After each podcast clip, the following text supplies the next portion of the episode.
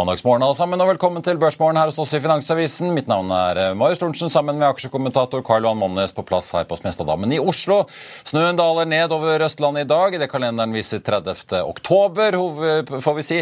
Hovedtallet vi har fått i dag, i hvert fall på kvartalsfronten, er fra Aker Solutions, som er ute med tall, viser kraftig vekst. Jon Fredriksen suser inn og sikrer seg det kriserammede Arctic-prosjektet Telegrafen.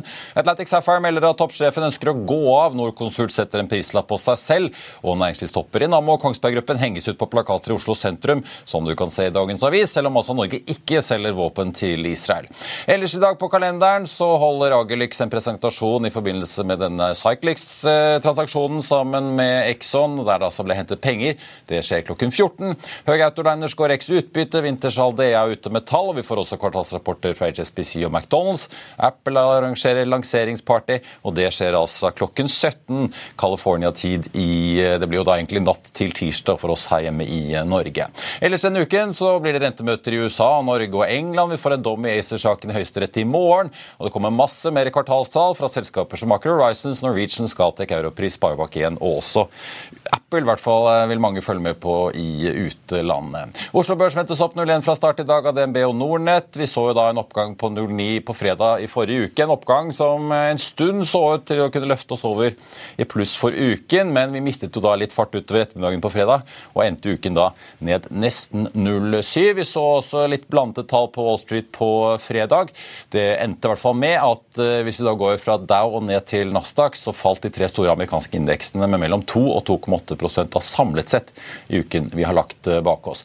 Nordsjøoljen ligger ned en drøy prosent i 87,8 og i Asia så er stort sett de store indeksene i rødt i dag. Jeg nevnte at vi har fått tall fra Aker Solutions. De er vel omtrent de eneste på kvartalskalenderen i dag. De endte jo eh, fredagen så vidt i pluss og er dermed oppover 11% så langt i år. Har steget nesten 70% av de siste to årene. Selskapet fikk et utsett resultat på halvannen milliarder kroner. Det er en dobling fra samme tid i eh, fjor. Resultat for skatt mer enn dobler seg til 1,1 milliarder kroner. Vi ser også at inntektene vokser kraftig, fra 10 til 14,3 milliarder, og de venter altså nå en vekst i 2024 på 10% omtrent, med en EBTA-margin på mellom 6 og 7. Og vi ser at ordreboken, takket være selvfølgelig masse oljeskattepakkeprosjekter, har est ut nå til 90 milliarder kroner. Ikke noe foreløpige indikasjoner fra Aker Solutions på om det blir noe ekstraordinære utbytter i forbindelse med denne subsidy-dealen de har da med Slumberger og Subsea 7, men vi skal jo følge med. Konsernsjef Kjetil Digre sier i hvert fall uansett sitat at markedsutsiktene for, fortsetter å være positive til tross for prisvekst i industrien, geopolitisk usikkerhet og begrensninger i uh, verdikjeden. Til slutt så er det eiendom jeg tenkte bare å ta med før jeg går til Karl Johan. Vi har jo nå fått vite da hvem det er som kom susende inn med et bud på Telegrafenbygget i Oslo sentrum, og som aksjonærene da valgte å takke ja til fremfor å bidra med kroner i en egen ny emisjon i dette prosjektet prosjektet, som altså i sin tid ble satt opp av Arctic Securities. Det er Jon Fredriksens Norwegian Property som har inngått en avtale om å kjøpe litt over 94% av aksjene for 100 millioner kroner. Katrine Astrup Fredriksen, altså datteren, som er i styret, uttaler at kjøpet er i tråd med selskapets vekststrategi, hvor vi også opportunistisk evner å utnytte hendelser i markedet. Så da kan jo de som har satset via Arctic, tygge litt på den. DNB Markets for øvrig ute med en kommentar på tallene til svenske Balder, som vi også følger med på i den store eiendomsbruduljen som foregår nå. DNB Markets mener at Balder nå har nådd gjeldstoppen, i hvert fall målt i netto rentebærende gjeld, men meglerhuset skriver at de fortsatt holder seg litt på gjerdet med en holdanbefaling og kurs på 48, da tre svenske kroner over sluttkursen fredag, grunnet fortsatt fare for refinansieringer, fortsatt fare for emisjoner, høy gjeldsgrad og usikkerhet rundt kontantstrømmen. God morgen, eh, Karl Johan. Det var litt å ta unna selv om det er eh, mandag. Men det er jo fortsatt dramatikk i Midtøsten. Ganske sure tall fra de amerikanske børsene. Så vi legger vel opp en uke som kan bli ganske volatil? Ja, helt klart. Og, eh, men vi begynner å se effektene av uroen i Midtøsten. Da. Jeg har skrevet en kommentar i dagens avis om betalingsselskaper. og Det var et selskap som er i samme marked som Nets, Worldline fra Frankrike, som der kursen falt med 60% Stort fransk selskap pga. svakhet i Tyskland. Tyskland. Eh, og Tyskland det, er jo et land som har litt problemer for tiden. Så, eh, og det er klart Nå bygges det opp til eh, mer uro i Midtøsten. USA har hangarskip liggende i Middelhavet. Vi ser jo Alt er jo åpenlyst. Det var 49 transport, transportfly som fløy fra Nord-Carolina til forskjellige havner i Midtøsten. og de driver, også, de driver, med og de sender raketter inn for å beskytte sine stillinger i Syria. Og, men hovedformålet på dette her, det kan ikke være en krig mot Iran, for Iran er for langt unna.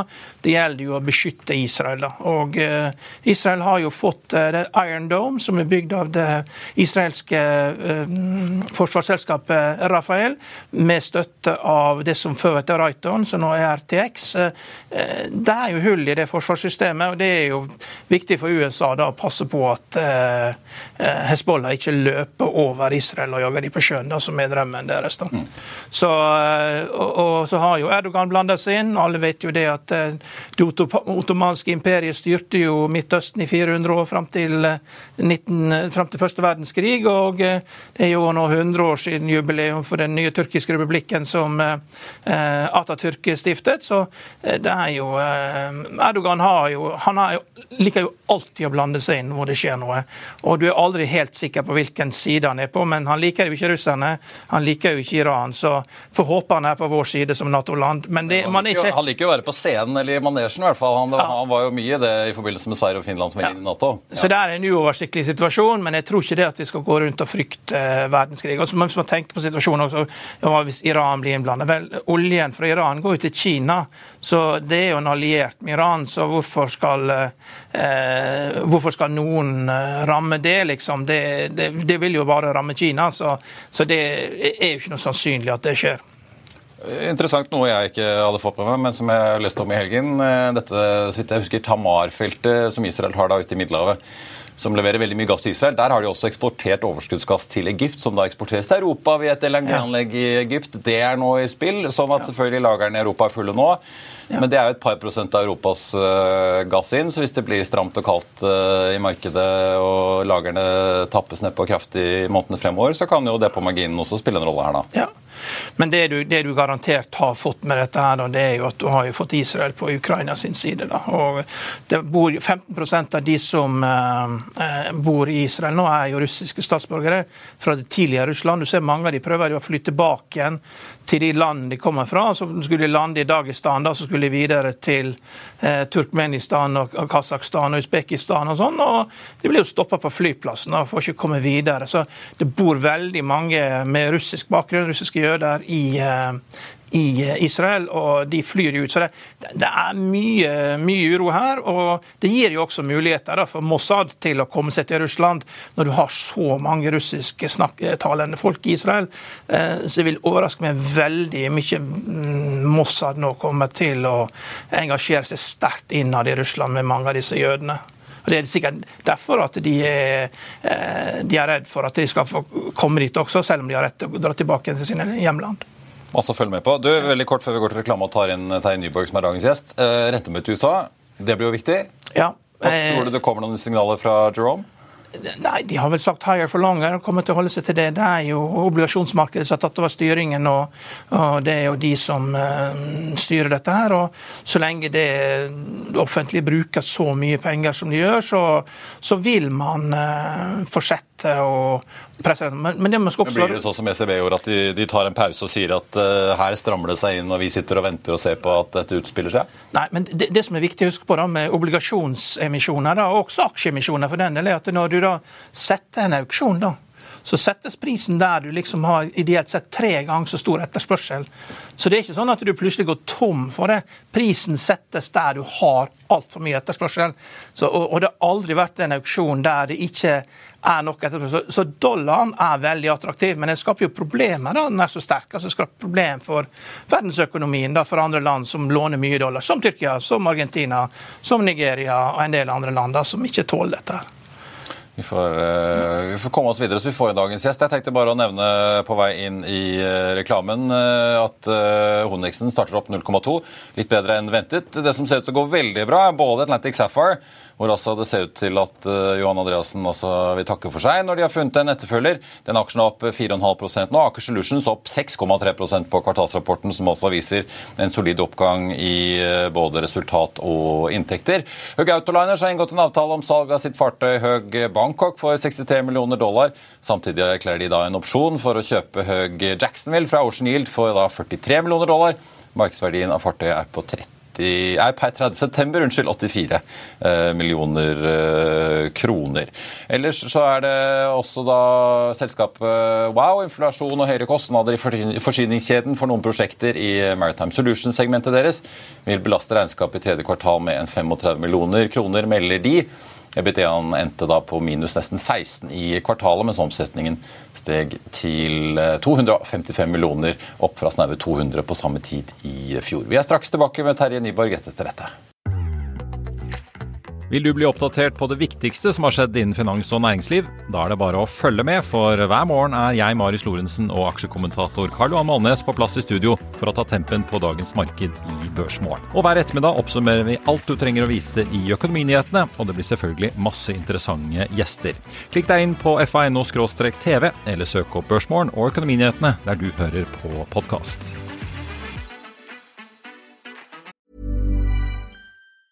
I'll see you in court. Vi sier det ofte litt på spøk, men for deg som driver business, er det aldri moro å innse at du ikke har laget en 100% gyldig kontrakt. Du bør ikke risikere hele firmaet ditt fordi du synes dette med kontrakter er litt stress. En avtale er ikke en avtale. Du kan miste kunder, miste venner, ja, til og med miste inntekter om du ikke lager en skikkelig kontrakt, på alt mulig, egentlig. Men vi vet det er et styr, kopimaskiner, tregprinter og haugevis av papir. Dessuten stoler vi jo på folk her i landet. Det er ofte litt kleint å skulle be om en signatur for alt mulig, ja, for mye av styret handler også om jakten på underskriften. Det finnes en enkel måte å løse dette på, Dukkobit, en trygg, effektiv og get this, gratis måte å sikre seg en god natts søvn pluss en juridisk bindende avtale. Dukkobit-appen har de strengeste sikkerhetskrav i bunn, samt en EU-godkjent og sertifisert teknologi. Framover vil det bli behagelig å spørre du, skal vi skrive under på det, eller? Kom i gang på dukkobit.no.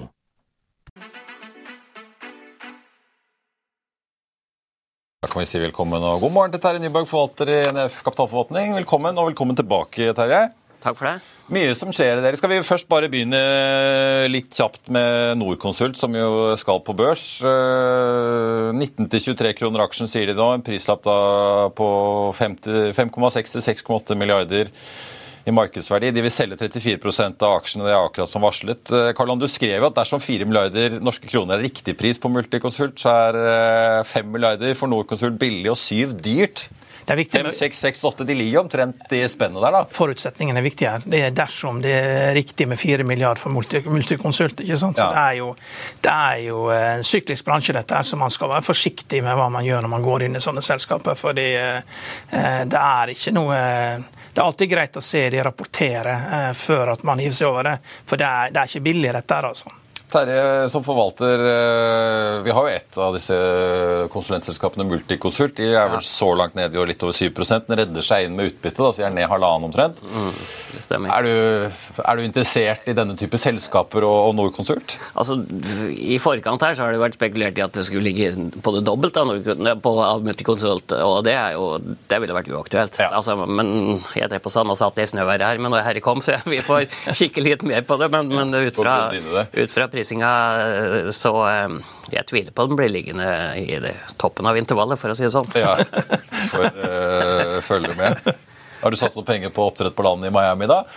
Der har jeg heldigvis heller ikke vært med. Styrt unna. Styrt unna. Og det er klart, når det tar en sju-åtte år før du oppdager at det er varmt i Miami, så og må kjøpe kjøleelementer, så, så, så, har du jo et problem. Men, men, men altså jeg, jeg, håper, jeg, håper, landbasert får det til på, på sikt. Eh, nå er det ikke gitt at, eh, at Atlantic Sapphire får det til, men, men eh, Det er jo mange. Vi har Salmon Evolution, Proxima ja, Det er mange ja, som prøver seg her, som vi har på Alfjord. Og, ja. og, og, så har du jo da spørsmålet nå om Eh, du har sett nå at eh, de gjennomstrømmingsanleggene så går det rykter om at du har måttet ha hatt lusebehandling der f.eks. Og de lukkede anleggene vet vi jo at det har slitt noe voldsomt med å, å, å lykkes. Og så kom det jo da, ble jo lakseskatten utsatt på, på sånn hersje eller offshore offshore eh. Men, eh, men eh, der, der, kommer det jo en skatt hvis det skulle bli lønnsomt. Men, jeg tror jo at, jeg tror at det, du forsinker prosessen veldig der òg, ved, ved, at frykten for en lakseskatt ligger i, i bakhodet på folk. Så. Det litt finurlige med dette da, er jo at hvis du da ikke innfører denne høyskatten, så får du heller ikke de saftige fradragene når du skal bygge disse offshoreanleggene eller landbaserte anleggene. Så hvis det da går bra, så blir det jo sånn som de har gjort nå, da, at de kommer inn og forsyner seg ja. Gevinsten i ettertid når det har gått bra. Mm, det stemmer. Og det, det, det, er jo håpløst. Det lover vel ikke så bra for investeringsviljen, kanskje? Den er eh, ikke null, men den er veldig lav. Det er jo bare de store som kan gjøre det. De virkelig store. Så, uh... Nå kommer det jo snart, eller Vi må vente litt til da, Terje, før vi får kvartalsrapportene fra oppdrett. Men skal vi snakke litt om noen av de vi har fått? fordi at litt som Aker så er ganske store utslag på en del av disse rapportene? Ja, Det har egentlig vært en ganske brutal, brutalt møte med virkeligheten for mange av selskapene. her, for dette, Vi har jo selskaper som altså Yara, Orkla altså Svære selskaper faller jo 6-7 på, på, på ikke innfri. Tomra ned 12-13% Du hadde Nell, du hadde Nordic Semi semiconductor. Eh, så, så, altså, Tredje kvartal er jo det kvartalet du normalt får størst utslag. Da. For første kvartal så liksom alle analytikerne ligger jo inne med at verden skal vokse 10 omtrent, altså når du aggregerer. Men andre kvartal, ok, du, du, har håp om at andre halvår blir bra. Tredje kvartal så slår virkeligheten inn. Ja. Og, da, og, og sånn markedet er nå, som Karl Johanne var inne på, med, med Midtøsten, altså Du har jo fortsatt Ukraina, selv om ingen eh, folk bryr seg om det lenger. Men, men altså, det er jo mer opptatt av Midtøsten nå. Eh, så, så, så, så, er jo folk veldig på tå hev, da. Og investoren er veldig forsiktig og, og, og nervøs. Det sitter mye penger på sidelinja akkurat nå. Og, og, mange har gått over i obligasjonsmarkedet. og du får 8-9 på fondsobligasjoner f.eks. Og du får mange av fondene har vel oppi en 9-10% avkastning i år på, på høyere, høy, høyrente. Ja, ser du det selv, eller ser du det på en måte ut fra aggregert statistikk over eh, verdipapirmarkedet? På statistikk, og en del på Du prater med både eh, meglerhus og, og andre investorer, så, så, så er det inntrykket du sitter igjen med, da faktisk. Altså, hele grunnlaget for den der lange oppgangen vi har hatt, er jo at rentene var veldig høye tidlig på 80-tallet.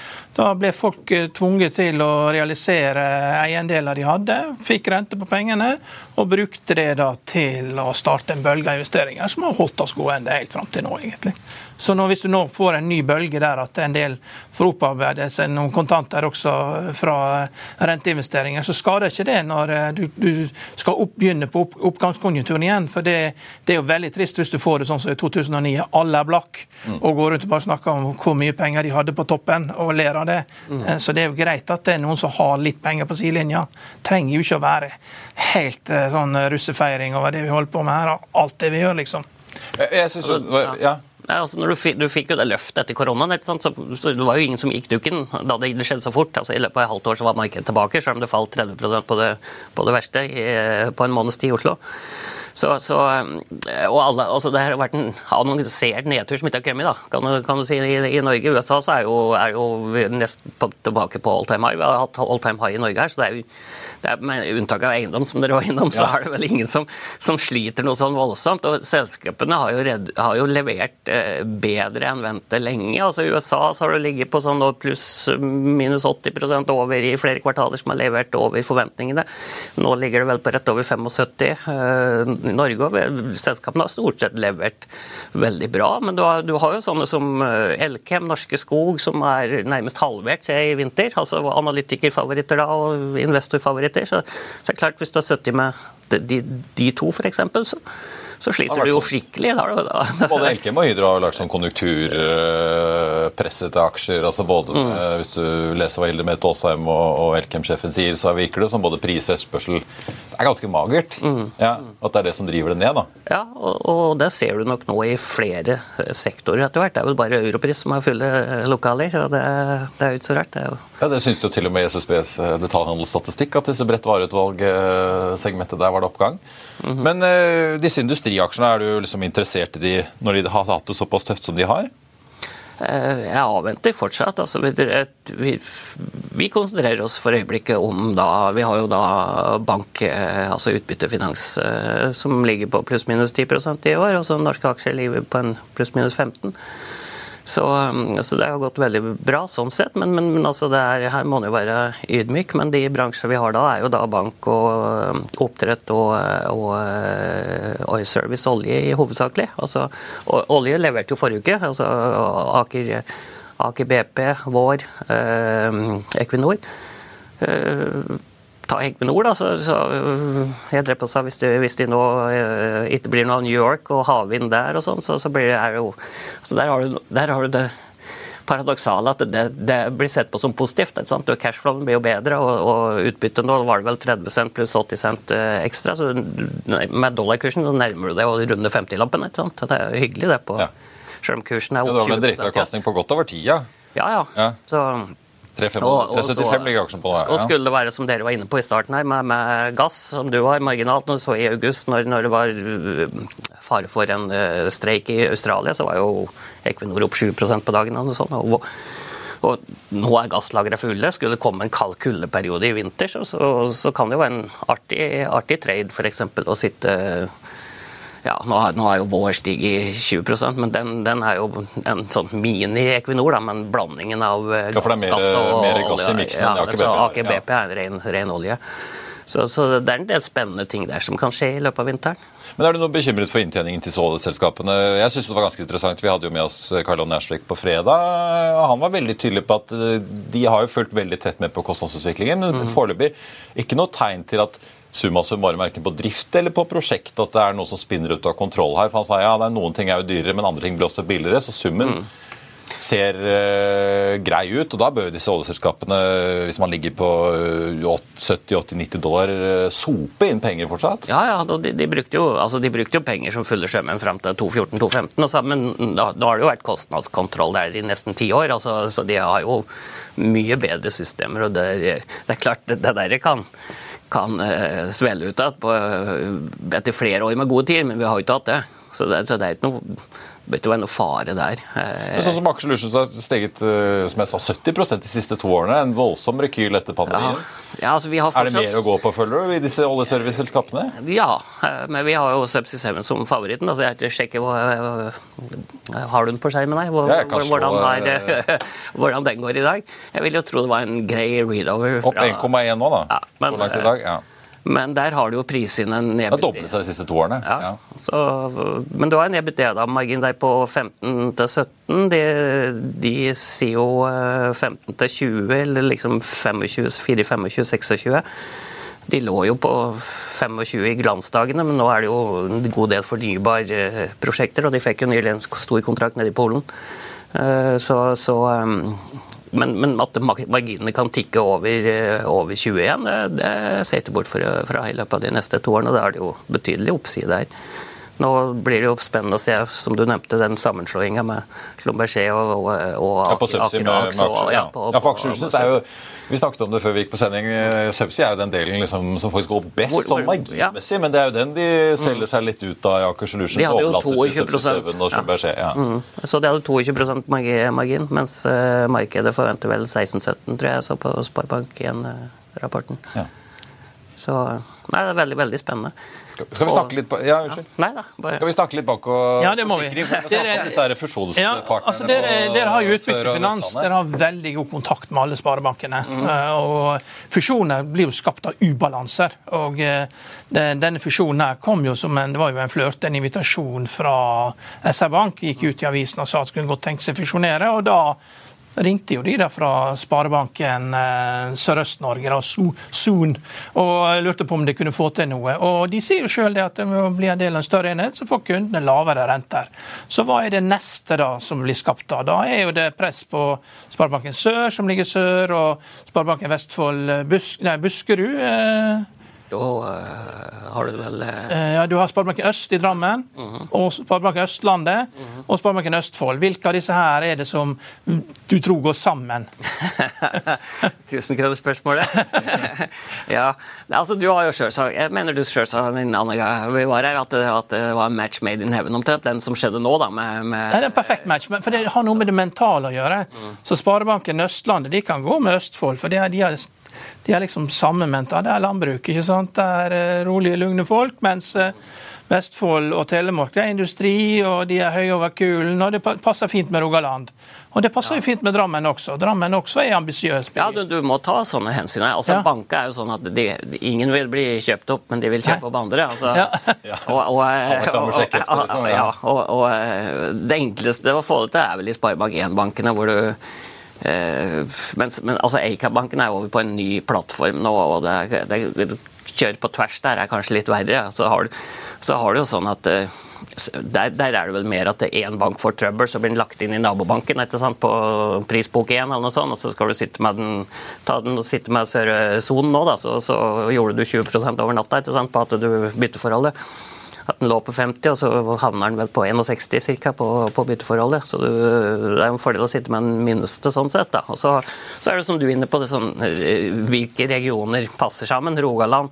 Kristiansand, eh, Mandal. altså Sørlendingene der ser jo på rogalendinger som pissmauer som kommer og tar hyttene deres. Og så kjøper de. Så det, det er jo ikke noe sånn god kjemi. Ja. Men, men, det, det det åpner for, Vi har jo hatt en tradisjon for at det, de som har brukt å angripe, da, det er jo Danske Bank som kom liksom med sine obligasjonsrenter fra Danmark. senket først rentene på boliglån i Sverige, mm. så kom de til Norge, og de har vært, var veldig aggressive. Kom ikke mer, og kom ikke til høyere enn 6% markedsandel på privatkunden i Norge. Og du har også at eh, Skandiabanken, altså S-banken, mm. svakere på sin måte. Men begge disse to er nå kjøpt opp av DNB og Nordea. Så her er jo en mulighet her for eh, en bank som SR-Bank å være aggressiv på pris i Oslo-området, mm. hvis de vil det, for å skaffe seg kunder og vokse, ta over. For det er jo ingen som gjør det nå. Nei, altså Du har vel sett små tegn til det ved, den siste rentehevingen. Så var det vel noen mindre banker som dropper å heve boliglånsrenta. Altså, ja, Var det Hallingdal eller hvem ja. som stilte opp? Ja, det så det er klart Hvis ja. vi ser at det nå topper ut, siden du får en, en, renteheving i desember da, som kanskje kan bli den siste, hvis vi ikke skal ligge, eh, altså hvis det ikke skjer noe spesielt i USA ute, så, så, så, vil du vel nok eh, få en større konkurranse mellom bankene. For, for, på vei opp er det jo ingen grunn til å drive og konkurrere. Da er det vel bare å ligge likt og la marginene bedre seg. Altså, er det om å gjøre å ha den gjennomsnittsrenten? Er det det som er målet for dem? Er det middeltid som gjelder? Ja, vi vant i år igjen. Mid, mid, renten som er midt i markedet, der liker vi å være. Er det sånn der? Du, du vil vel helst ha litt mer, hvis du kan få ut det. så, så, det er klart norske bankkunder, norske forsikringskunder, er vært uh, veldig slapp. Ja. Altså, vi, har hatt, vi, har hatt, det veldig godt i Norge i mange år og fått det bedre og bedre. Det er jo veldig lett å gå opp i levestandard uten å gidde å bekymre seg over å, om uh, ta, ta meg sjøl. Det var sikkert verdt tre-fire år eh, uten å sjekke noen forsikringsavtaler. altså om hvordan pris er, for Du kom jo inn på en veldig gunstig pris, og så bare blir det hevet. Så, så Ta Storbrann, og de sier at, at de må prise opp 10 fra nyttår. Ikke sant? På, det er jo en av de store utgiftene folk har, altså ved siden av boligrenter og ja, mat. Øh, si du har bil, hytte og hus, så har du jo en ganske høy forsikringspremie. som fyker opp 10% så det, er, det var jo kunstig inflasjonstall nå i september, hvor strømprisen var 1,5 øre mot 3,5 kroner eller noe sånt i fjor. Mm. Som, som, senker de inflasjonstallene noe, noe voldsomt kunstig. Da. Og, og sammen med, sammen med matpriser, hvor det var en eh, sånn eh, såkalt momsavslag på fisk på en 15 eh, og, og kjøttpris altså Du må jo fryse inn eh, gris og okse i, i, lakseinnfrysing her på slutten av 90-, begynnelsen av 2000-tallet. Altså det produseres jo altfor mye. Så eh, Nei, det, det, det er spennende. Men for banka, hvis vi ser ikke noe frykt på, på noe større tap hvis, eh, hvis, hvis, hvis, det stopper opp med den renteøkningen i desember. Da. Men Kan den fusjonen nå da, mellom Sør-Øst og SR Bank kan den trigge andre banktopper til å finne sammen? Da? At de hopper ned fra gjerdet hvor de alle sitter med sjekkheftet klart og Jeg, jeg tror de var mange banksjefer og styrer satte kaffen i halsen der på morgenen når de så den meldinga her, selv om, selv om, noen har vært inne på at det er en, en god match. Eh, og hvis en da skal kikke etter mulige sammenslåinger, så, så tror jeg du skal se på, på Sparebank1-bankene først, ja. systemet først og fremst. Men er det som liksom investor er det et netto pluss? Altså de, går og, jo, de går og snakker opp at dette er så fint, for da får de mye større skala til å, mm, mm. på IT-systemer og det ene og det andre. Vi så jo SR Bank tikke jo nå opp til å bli en systemviktig bank og måtte hente en milliard ekstra var det vel, i mm. egenkapital for å innfri de nye kravene de blir pålagt gjennom at de blir eh, større. Men er det, ja, det netto pluss for investorene, dette her? Ja, altså jeg vil jo si det. det, det og, og, og, pluss at du kan jo da prise opp en del andre banker og litt, på, på, på bakgrunn av det du ser her nå. Altså, du har jo noen store banker oppover i nordover òg, altså Midt-Norge og Helgeland, Nord-Norge. Det er jo Kanskje SMN er neste, neste ut? Ja, nei, De liker de kjøper organisk. Kjøper jo Sparebanken Søre Sunnmøre. Ja. Mm. Og de ble jo størst aksjonær også i uh, Sparebanken 1 SMN.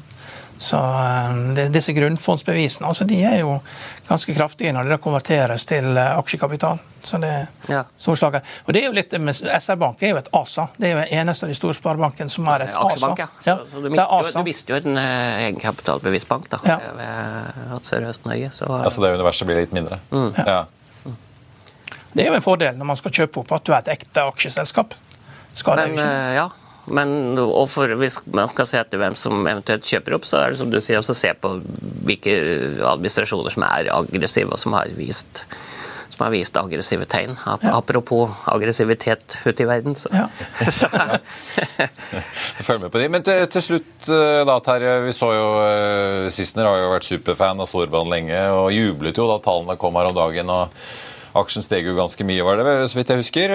Ja. Men det at de nå varsler at prisene må opp, og sånn, litt som du sier, da, kan det trigge eh, en mer prisbevisst uh, kundeportefølje her, hvor kanskje det blir litt vanskeligere å hente ut disse gode marginene og den inntjeningen? Det spørs om du mye, altså, hvor mye kunder du eventuelt mister, eller om Gjensidige og de andre gjør det samme. Trygg gjør det samme. Altså, det, det, det var jo en vi har vel følelsen at vi prater mest om de som har skuffet, men det er jo noen som har levert på pluss plussida. Altså både, og Gjensidig var jo òg bedre enn frykte. Altså, Gjensidig er mer sånn at det, altså Reassurans og, og eh, Naturskadefondet tar som regel mye mer eh, av kostnadene og dekker mer av kostnadene enn det investorene tror når det er noe storm. Ja, vi satt jo, vi satt jo og snakka om det her. altså Det var jo ingen endring i kostnadsnivå på skade. Det var om 70-71% Men det som var forskjellen, var at eh, økningen på administrasjonskostnader, å håndtere skaden, gikk opp fra liksom 13-14 til 17 altså et 3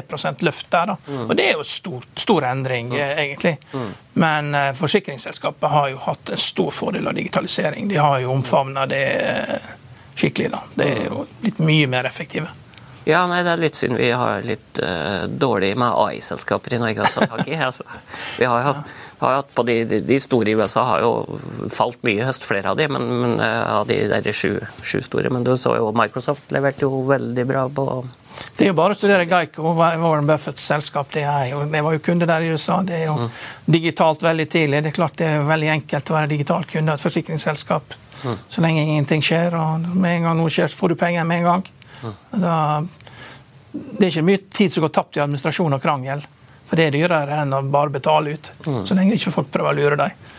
Ja, Det blir spennende å se hva som skjer i den eh, ja. sektoren. Hvis det, hvis, altså, jeg antar Storbrann ikke er ute og bare sier det for tull. Altså, vi får, se, vi får følge ansiktsuttrykket og kroppsspråket til Grefstad på Q4 på nyåret. Mm. Se hvordan det har gått.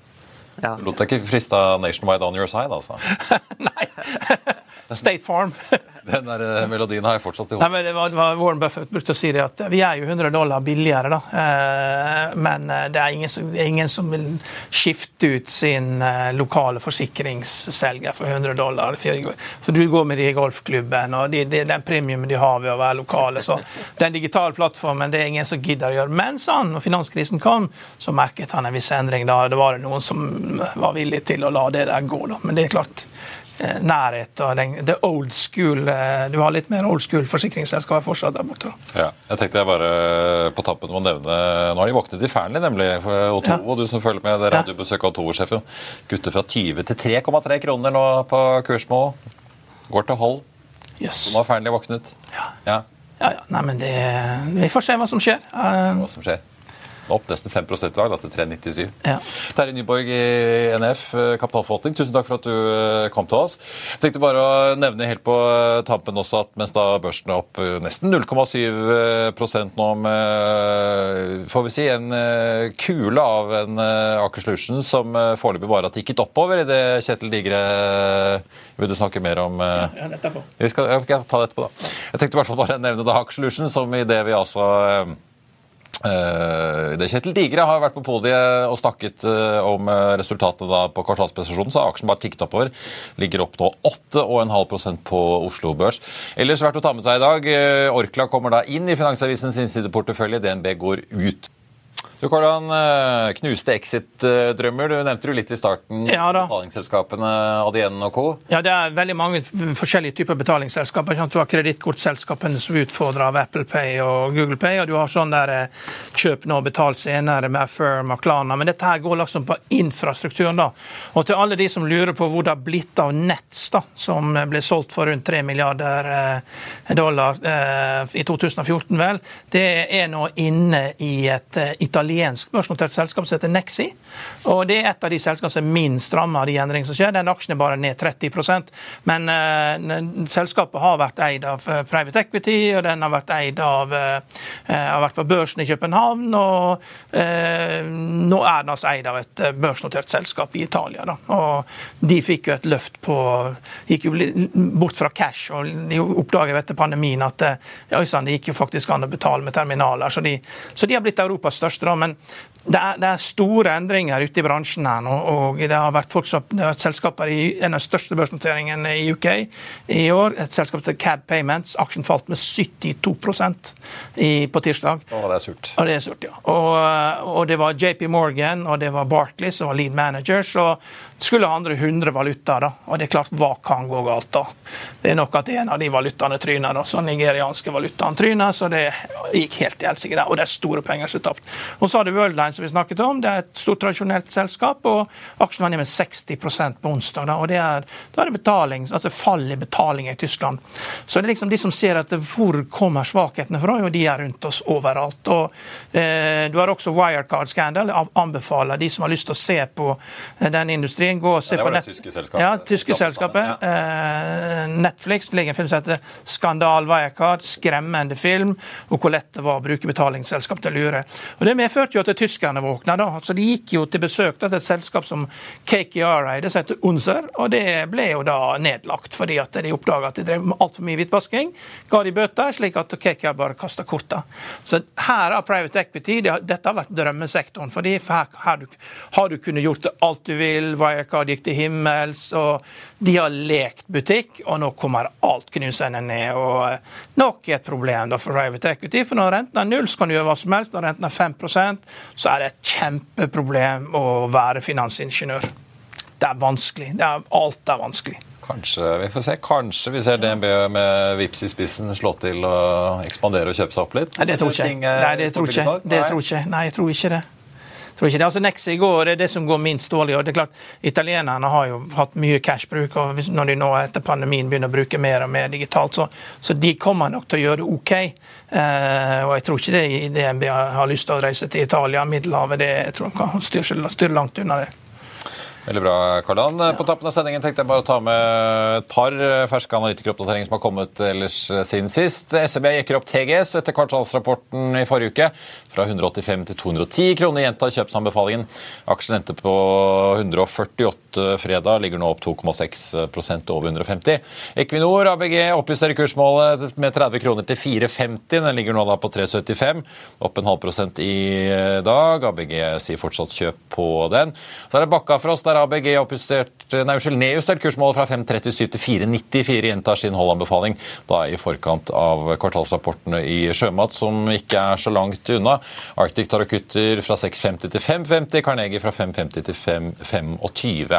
Og så på SalMar til slutt. da, ABG tar og oppjusterer der fra 5,59 til 5,85. Gjentar sin kjøpsanbefaling. Arctic legger på en 20-kroning opp til 5,80.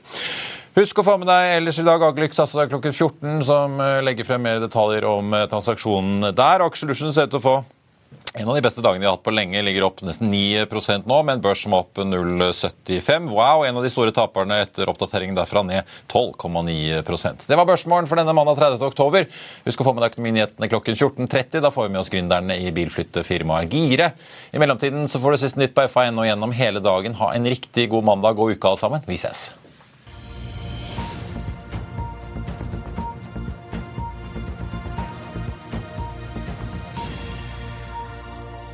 Økonominyhetene er en podkast fra Finansavisen. Programledere er Marius Lorentzen, Stein Ove Haugen og Benedikte Storm Bamvik. Produsenter er Lars Brenden Skram og Bashar Johar. Og ansvarlig redaktør er Trygve Hegnar.